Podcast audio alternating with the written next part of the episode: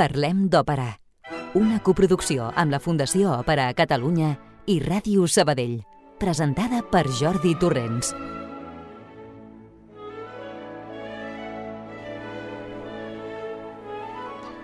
Bona tarda, bon vespre, bona nit. Bé, bona nit cada cop menys, oi que sí? Ja és ben perceptible com s'allarga el dia mica en mica.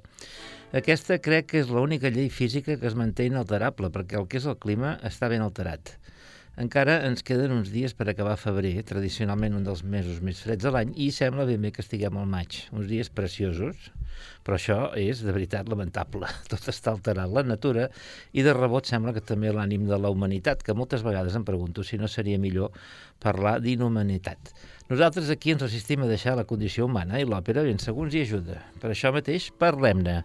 Programa número 555, 22 de febrer, dia de Santa Margarida de Cortona, monja penitent i protagonista de l'òpera Margarita da Cortona, de Licinio Refice. Rocío García, el control de so, i qui us parla, Jordi Torrents, us donem una cordial benvinguda.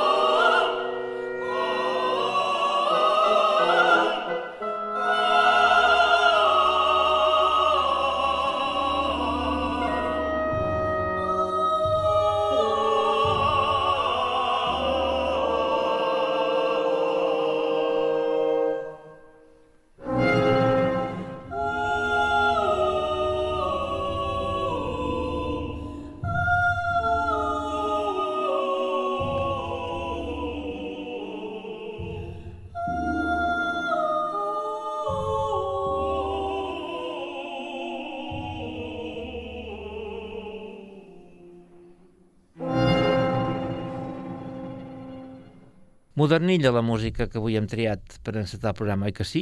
I tant. Es tracta del preludio de l'òpera Tenorio del compositor madrileny Tomàs Marco, una òpera estrenada l'any 2017 a San Lorenzo de l'Escorial.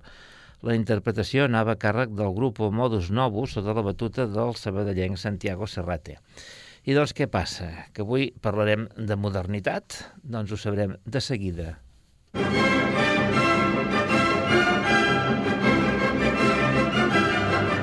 Ho sabrem després de rebre un sant o no sé què que diuen que s'ha aparegut per unes contrades d'Osona i que mica en mica està reunint multituds en plan Fàtima. Tu, em diuen que es fa dir dibus flamaricius i nosaltres no volem ser menys i per això l'hem convidat en el nostre programa en primícia. Benvingut, Albert Ferrer i Flamaric. Moltes gràcies, Jordi. Escolta, uh, dius Flamaricius, no, Tenorius Flamaricius, que és com hem començat el programa. Saps que ma mare deia que aquest és un tenorio, volia dir que aquest era un... pesa. Un pesa. Avui, tema únic, un llibre que es diu De la tradició más allá de la postmodernitat, història de l'òpera de los siglos XX i XXI, l'autor del qual és precisament Tomàs Marco.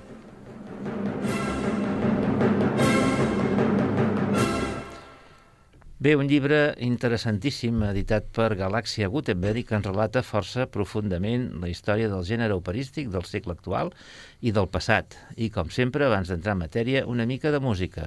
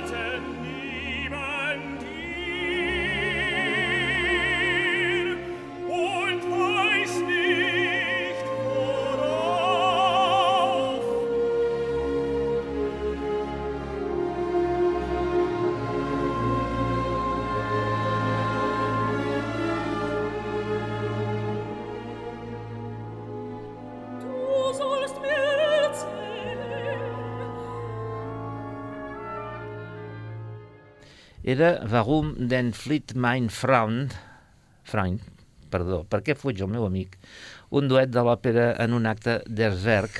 Ja t'ho dic jo, perquè pronuncies molt malament l'alemany. Bueno, ja està, pues, per això va del camp. L'òpera en un acte d'Erzberg, el nan d'Alexander von Zemlinsky, estrenada a Colònia el 1922. El llibret està basat en un conte d'Oscar Wilde, l'aniversari de la infanta, Sentíem Soile i Sokoski com la infanta i David Kuebler com el nan, l'orquestra Gürzenik Orchester Kellner Philharmoniker, sota la batuta de James Conlon. Zemlinsky és un compositor austríac nascut a Viena el 1872 i mor el 1942 als Estats Units, on s'havia exiliat quatre anys abans. Eh, val a dir que avui tot el que sentirem serà d'òperes mencionades en aquest llibre. Intentarem donar una visió d'òpera alemanya, italiana, francesa i espanyola del segle XX més una pinzellada del segle XXI. Una òpera que, per cert, eh, el nan era com també s'hi refereix en un passatge l'Alma Mahler, que va ser amant de Zemlinsky abans de casar-se amb Mahler, mm -hmm. i que també el definia doncs, com una persona que una mica desdentegada perquè també fumava. Ah. Eh, Home, les fotos bueno, que he vist del tal Zemlinsky, más feo no puede ser, eh? Dir, Bueno, no era gaire Mahler agraciat. Va guanyar, no era gaire guapo, però va guanyar Bueno, bueno, Mahler, eh? això, això, cuidau, eh, cuidau. Doncs sí, avui farem aquest llibre, la qual cosa eh, m'alegro perquè, clar, ja saps que jo em preparo les coses Mm. i sobretot quan he de fer un llibre per ressenyar com serà aquest cas i porto molt, moltes idees i avui la, les podrem treballar tranquil·lament. A més a Molt més t'has hagut d'esmerar molt amb la, amb la selecció que anirem escoltant mm. uh, al llarg del programa perquè, clar, estem davant d'una història de l'òpera del segle XX-XXI, molt ben editada, perquè Galàxia Gutenberg ja ho té, aquesta enquadernació cosida, amb cobertes dures, amb aquest... Eh, bueno, el, no em surt ara el, el, el paper aquest de, que fa de, Mm. de solapa, bueno, les solapes. Um, I aleshores és una història que ens repassa des dels inicis del, del segle XIX, o perdó, finals del segle XIX, eh, aquesta evolució, però és, un, és més un llibre de consulta. Te'l Mm. pots llegir, te'l pots llegir en diagonal, Sí. és més per tenir una orientació, un, com una mena de llibre de text, Mm. Eh, que et va enumerant eh, doncs els compositors, els títols més, me, més destacats, mm. -hmm. amb alguna pinzelladeta, però quan dic alguna pinzelladeta vol dir alguna pinzelladeta, mm. també depèn del capítol, que ja anirem desgranant a poc a poc, i deixa'm dir, abans d'entrar més en profunditat, que el Tomàs Marco també és autor d'un llibre que a mi em sembla que metodològicament està més bé, que va de dir, que es diu Escuchar la música de los siglos XX i XXI, que va publicar la Fundació BBVA el Mm. 2017, que una mica fa això, però amb les tendències estilístiques. Clar, jo crec que en, el, en aquell llibre, l'altre, en aquest d'Escuchar la música de los siglos XX i XXI, on desgrana des de les tendències compositives, eh? dodecafonisme, aleatorisme... Eh, allà dona més pistes que jo trobo falta una mica aquí, perquè evidentment poden ser lectors diferents. Molt bé. Bueno, aquí deixem dir diverses coses, però al·lusiones que jo m'esmero sempre amb la tria musical, eh? Home, ja ho sé, però avui, que, avui ja ho sé, perquè Però no ho tinc- repeteixes, però però, tinc- avui t'ha costat per segons què. Bueno, tinc material no? de tota aquesta època, eh? Vull dir, saps? Jo no... Això no, no vaig curt. Home, no vull fer spoiler, però aquí hi ha coses molt audibles Sí. respecte a altres coses que podrien haver estat. Home, sí, però per Ah. això mateix m'estimo que, és- més que siguin audibles. Uh, llavors deies que estava cosit, és que si no estigués cosit el llibre són 414 pàgines més... Uh, 150 d'annexes. 150 de taules i índexos i coses, Sí, o que més. comentarem al final. Sí, o més. Bueno, jo crec que és interessant perquè mm -hmm. està Mhm. escrit de, força, de manera força planera i didàctica. Sí. No, no, he tingut just el temps de començar-lo a llegir, eh? però m'ha semblat que això que, que el feia molt entenedor, saps? I fa una repassada dels diferents compositors, agrupats segons un, el mètode que ell, que ell utilitza. Que comentarem Que després. tu ja explicaràs, però això serà just després de la nova peça musical que us proposo. Tot seguit, que és d'un altre gran del 20, del segle XX, que és Franz Schrecker. Tots aquests compositors els coneixem poc a casa nostra, però eh, són, són molt interessants. Nascut a Mònaco el 1878, mort a Berlín el 1934, ell era austríac per això. Eh, bueno, va ser perseguit pels nazis per ser jueu eh, i tota la, tota la història que ja coneixem. De l'òpera Die Gesagneten, Gesagneten perdó, eh? Els estigmatitzats. En tres actes, estrenada el 1918 a Frankfurt, el duet Holde Martuccia d'Olump, estimada Martuccia, poca vergonya, de l'acte primer, Martin Petzold, Pietro i Christian Bergol Martuccia. L'orquestra és la Deutsche Sinfonie Orchester Berlin i dirigeix Lothar Zagrosek. Yeah.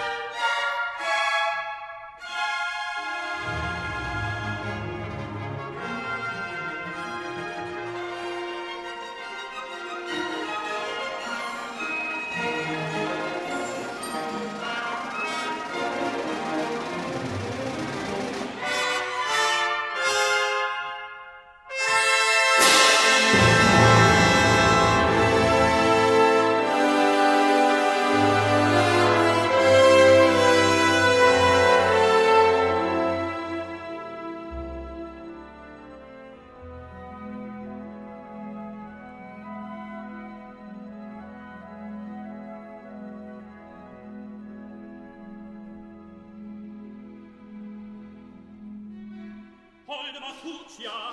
Da lump, Gaume, du verhirt, das schwein! Ich bitt dich, schweig still, ich mag nicht erkannt sein. Dein Gebieter, der kleine Krüppel, den bösen Blick, hörst dich an ihm wie die Pest.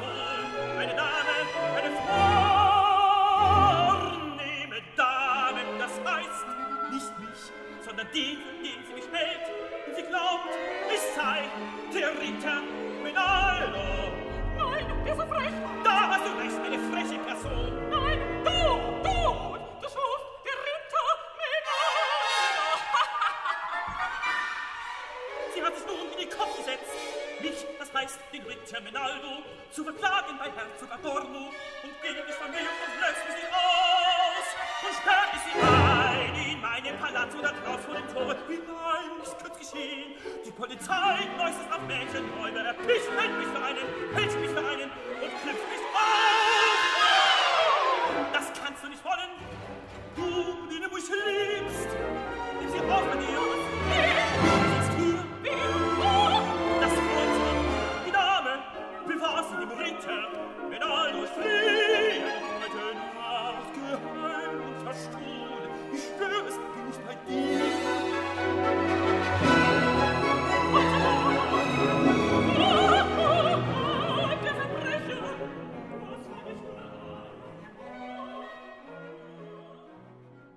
Bé, doncs eh, en concret anem a, anem a desgranar el llibre una miqueta. Aviam, hi ha sobretot un afany d'integració d'un considerable ventall de figures que no respon a, diguem, a una voluntat plenament exhaustiva però que aclapara el lector, és a dir, hi ha moltíssims eh, compositors, eh, sobretot hasta el dia de, de les, dels últims eh, anys, de les últimes dècades, d'aquesta mm. generació dels 70 i dels eh, 80 que tracten el desè capítol però alguns apareixen eh, prou detallats, per exemple, sobretot el primer capítol, que ara entrarem una mica més en detall, no? que sintetitza les derives del segle XIX per entendre l'encaix cap al segle XX, i altres apareixen allò amb tres línies, el nom i, i poc més. Per tant, en aquest mm. sentit, òbviament, és una mica desigual, però eh, la voluntat no és ser exhaustiu en l'anàlisi, diguem, del contingut del títol, sinó donar-nos aquesta panòplia. Mirin, senyor espectador, hi ha tot això, que evidentment algun títol se li escapa d'algun espanyol, espanyol, però mm. bueno, eh, realment és un llibre que feia falta per tenir una, una panoràmica. Eh, com tu dius, també es pot llegir de manera molt, molt planera i a més a més té molt poques notes a, a peu de pàgina, només alguna puntualització. Bueno, ja estan col·locades a la pàgina corresponent. Ja estan, sí, que, que això, això també s'agraeix. ho facilita, que veig sí. al final. I és un llibre útil en aquest sentit perquè ordena i etiqueta conceptes i autors d'un segle, evidentment, molt complex, mm. encara que eh, segueix per estudiar-se i difondre en, en profunditat, diríem, eh, amb normalitat, no? Molt, molt, sí. de, bueno, la gran majoria del, del repertori. Aleshores, el primer capítol eh, eh, es fixa en la vessant teatral, en el llibret, en l'orquestra i la direcció d'escena, és a dir, mm. eh, com l'espectacle ha potenciat això i matisa una mica cap a on anirà o com, com està canviant a finals del segle XIX. En aquest sentit és bastant genèric. Sol dividir en, a, en apartats que, eh, en el, per exemple, en el capítol primer se centra en Itàlia, en Alemanya, França i Espanya, i les figures que, que destaquen en, una, bé, en aquesta mena de síntesi i, i aspecte genèric, i deixem destacar d'aquest primer capítol que se centra molt en el Venice, mm. que doncs, em sembla bastant encertat perquè habitualment doncs, l'òpera espanyola eh, no, no hi figura. Llavors, el capítol segon, i ara fem una altra audició, és eh, el títol Tradició i modernitat evolutiva en el canvi de segle, mm. i aleshores se centra en comentar tres, eh, tres grans compositors, els que ell considera que són més paradigmàtics d'aquest canvi de segle, que són Puccini, Richard Strauss i Janacek, tant per quantitat eh, com mm. per qualitat i diversitat estètica i tècnica. Perfecte.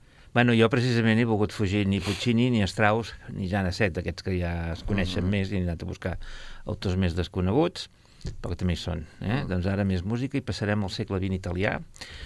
Una òpera que jo diria que és una mica més coneguda, sense passar-se, però jo l'he vist a Amèrica, en una ciutat de Florida, que es diu Sarasota.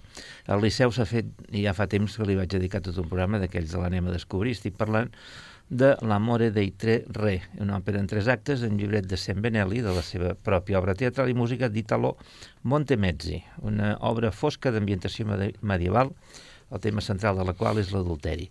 Estrenada a l'escala de Milà 1913. Serà novament un duet de l'acte segon Addio Fiora o Voluto Rivederti en Plácido Domingo, a Vito, i Anna Mofo Flora i la London Symphony Orchestra sota la batuta de Nello Santi.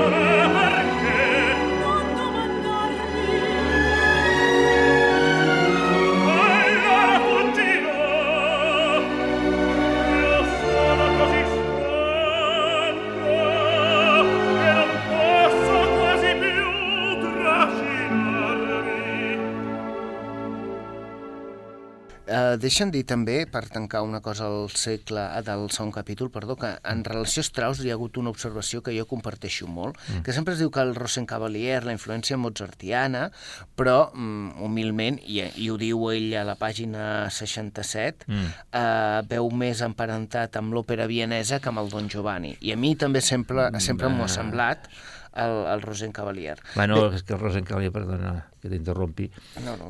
La cosa mozartiana és perquè està ambientat a l'època més o menys de Mozart. No, res més. No, Sí, per mi no té exacte. cap... La música no, no s'hi sembla de res.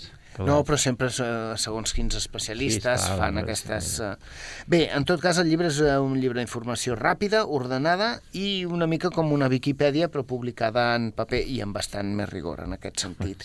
Deixa'm destacar també Mica que... millor que les... sí, sí. Bueno, a vegades hi ha gent que fa articles molt bons a la Sí, Viquipèdia, sí, sí, és eh? veritat. Aquell, recorda aquell que va venir, el, el del Granados, el Josep Maria Revés, que n'ha fet que n'ha molts. fet molts, i... que.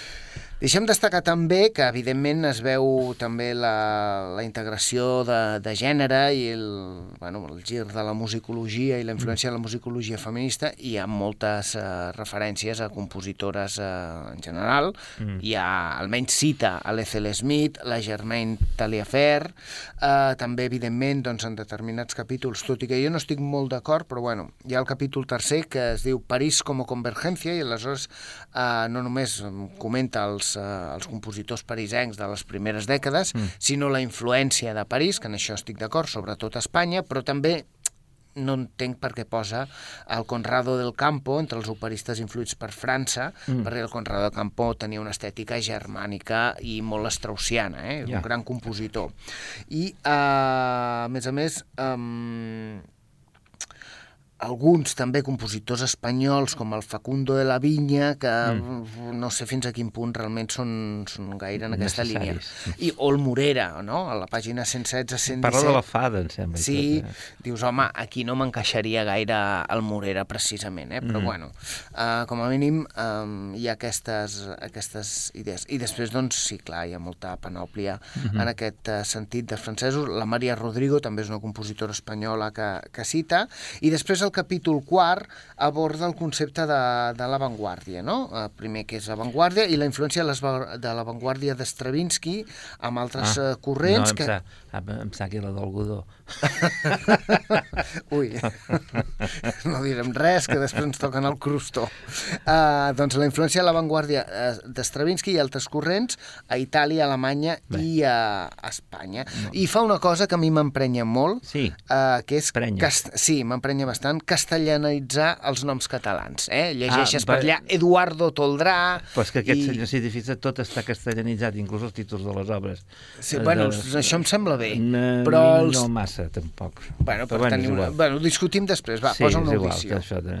A veure, tot parlant d'aquest llibre de Thomas Marc, com ve la memòria, un altre del qual en vàrem parlar fa una pila de temps, concretament en desembre del 2016, que és El siglo de Genufa, de Santiago Martín Bermúdez, d'Ediciones Cumbres, que parla de les òperes que lo cambiaron todo, de 1900 al 1950, un tutxet Sí. de, de consideració, que se suposa era un primer volum, però que mai ha sortit un segon. Que jo sàpiga, el segon no ha Es sortit. va esgotar amb el primer. És, home, déu nhi eh? Ara, clar, és un Ja- llibre operísticament superior, molt Sí, més sí. assagístic, Clar. eh, que et dona una perspectiva de títol a títol, és a dir, si la gent realment vol conèixer mm, algun d'aquests títols del segle XX, els que apareixen en el llibre, perquè evidentment Mm. el Santiago Martín Bermúdez no els tracta tots, aneu allà. Mm. Exacte. Mira, va, més òpera italiana al segle XX, el compositor es diu Vic Vittorio Gnecchi. Aquest, oi que no el coneixeu? No, jo que no el coneixia. Doncs jo tampoc fins que vaig trobar aquesta òpera. Quan navego per internet trobo moltes coses. Ja. Gnecchi és un compositor milanès nascut 1876, mort el 1954. Va compondre unes quatre òperes, la segona de les quals és la que sentirem aquí, és una tragèdia lírica en un pròleg i dues parts, amb llibret de Luigi Illica, un dels famosos llibretistes de Puccini, i estrenada al Teatre Comunale de Bologna el 1905. Eh, L'òpera es diu Cassandra i recrea la llegenda mitològica amb tota aquella matança micenes després de la guerra de Troia, amb Agamenon, Clitemnestra i companyia. Sentirem el cor que inicia la segona part de l'òpera Auleti a Gonfiegote, da vostra ti vicina, amb el cor de la Ràdio Latona i l'Orquestra Nacional de Montpellier, Languedoc-Roussillon, dirigits per Enrique Diemeke.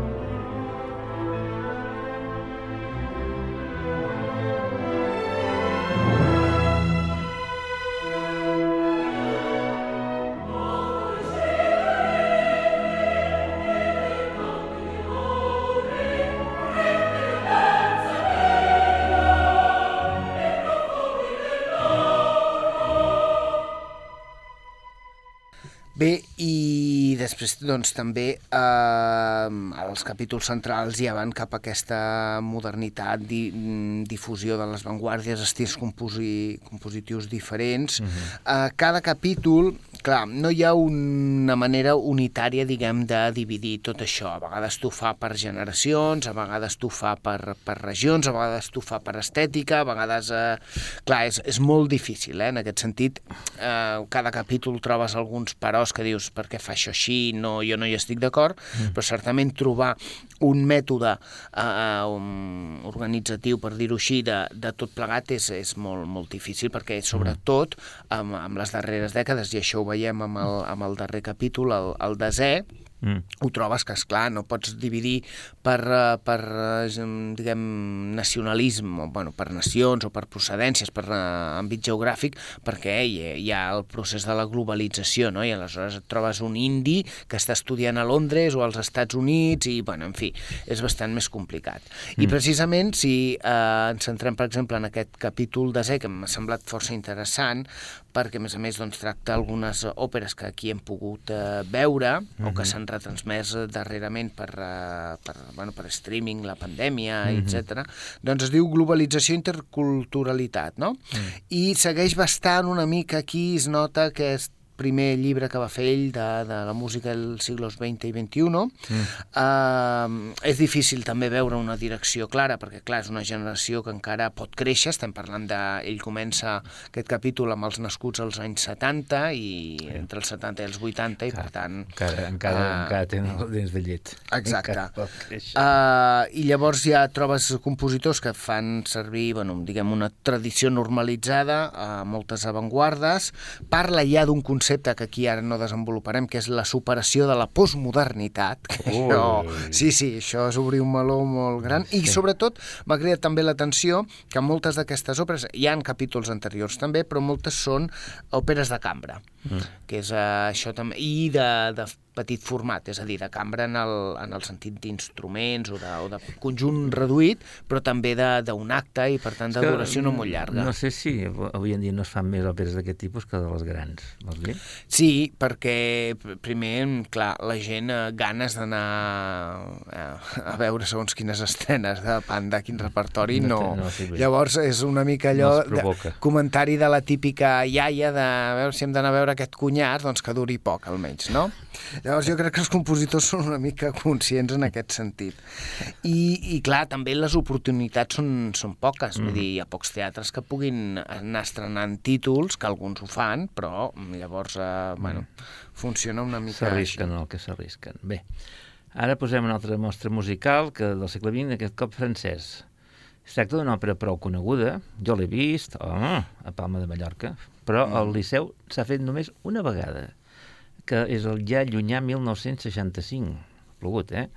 Parlem de L'Heure Espanyol, de Maurice Ravel, amb llibret de Frank Noen, comèdia musical en un acte estrenat a l'Òpera Còmica de París el 19 de maig de 1911.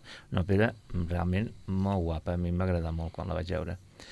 En sentirem al final Un financier et un poète, amb Jean Verbier, Jean Giraudoux, Gabriel Baquier, José Van Damme, Michel Sénéchal, i Lori Matze al capdavant de l'Orquestra Nacional de la Ràdio Televisió Francesa.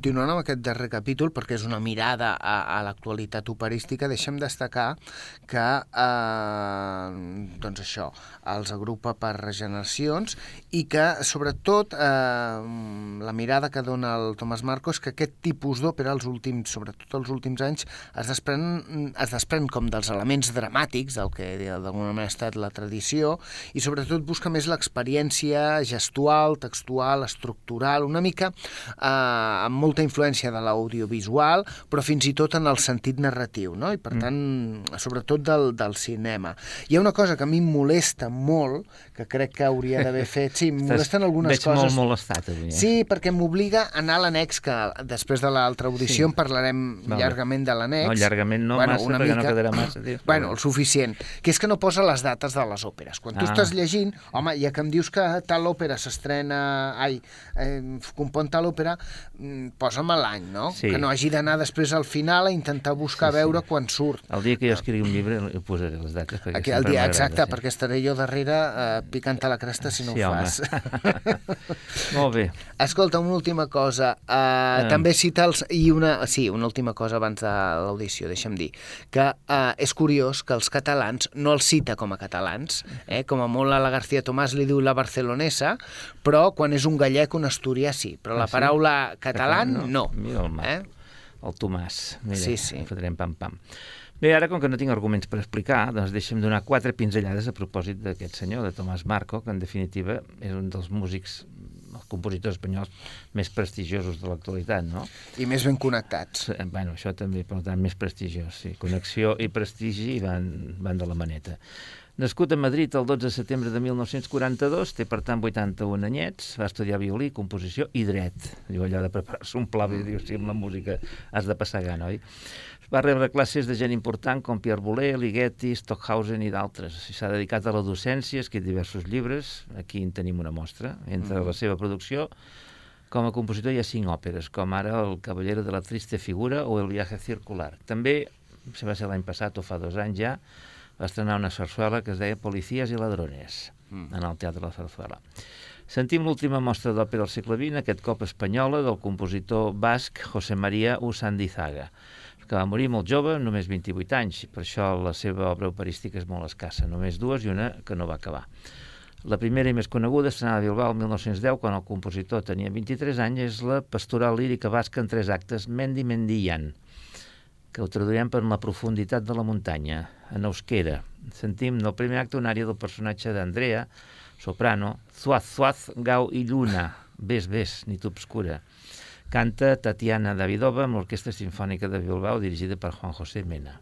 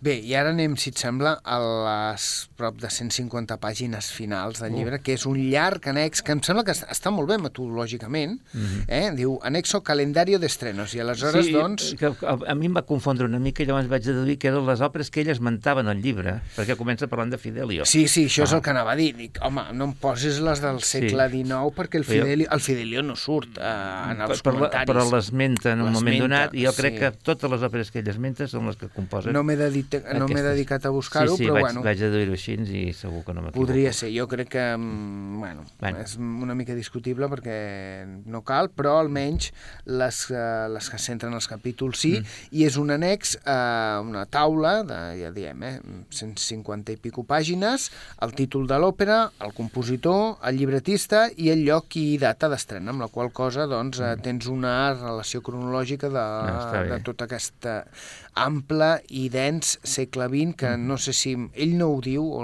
almenys jo no l'he llegit, però segurament sigui el segle amb més òperes, ni que sigui perquè el percentatge de, de població i de compositors és major que en èpoques Possiblement, anteriors. al 18 se'n van fer moltes, eh? però bueno, possiblement sigui així, sí.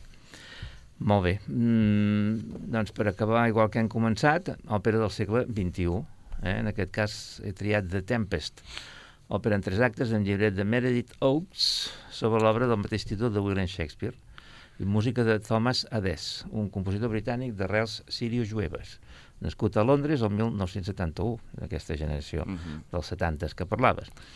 Uh, fins al moment present, aquest senyor ha fet tres òperes, que és Powder Hair Face, The Tempest i The Exterminating Angel. Aquesta l'han estrenat no fa massa, recordo, no sé on exactament. La segona, basada en Shakespeare, fou estrenada el 2004 a la Royal Opera House, Covent Garden, i en sentirem el cor que inicia l'acte segon, Alive Awake, cor i orquestra de Covent Garden dirigits pel propi compositor.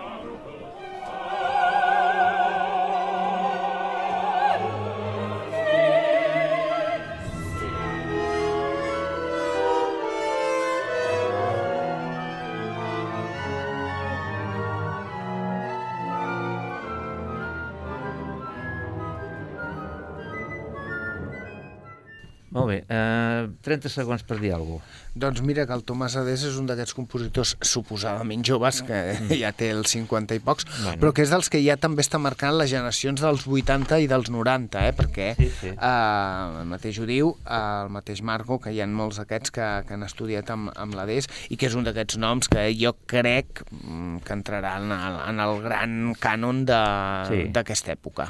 Bueno, jo deixa'm dir una cosa, només que en el pròleg, el pròleg és d'un senyor que es diu Xavier, Xavier- Xavier Güell. Sí. De la, a la pàgina 14 del pròleg diu, hi ha una, una, una frase, un paràgraf que per mi ja és objecte de culte perquè reflecteix exactament el que jo penso. Diu, com ho diu, a veure, Diu, ¿por qué la mayoría de teatros alentados por espectadores satisfechos de su aburguesamiento y programadores dispuestos a satisfacerlos empecinan en repetir una y otra vez las dos docenas de óperas más conocidas sin tener en cuenta que existe otro repertorio magnífico? ¿Cuántas Bohème, Carmen, Traviata, Aida y la flauta mágica tendremos que seguir soportando? Ya sé que son obras excepcionales, hasta que nos permitan abrir espacios donde respirar aire fresco. Este libro trata de eso. Um, això és, jo creu, jo crec en aquest senyor. Per mi és, és Déu el que ha escrit això, perquè és la pura veritat, és que, és que ho reflecteix el burguesament acomodatici i, dels, i bueno, és el que hi ha. No, Sí, el, el no tirar... Ja ho deia Carubini, que com més escoltem una cosa, mm. més ens agrada. Llavors tenim aquest hàbit de la repetició perquè és una manera fàcil de... Sí, i no... donaré un detall. Està més plena la, la, la venda de la Turandot, que Sí, és sí. d'aquí uns mesos, que la de la Manol Escó, que és ara, properament, i celebraré el dia que la gent se n'enteri de que la Manol Escó és bastant millor que la Turandot, però bueno, hasta ahí puedo leer.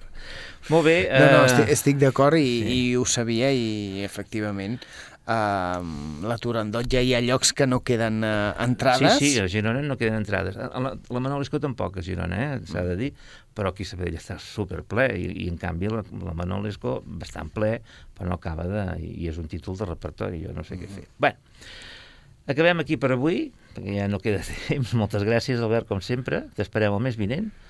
I a tots vosaltres us espero en una setmana només. Adéu-siau i fins dijous que ve. Contacta amb nosaltres. Òpera arroba radiosabadell.fm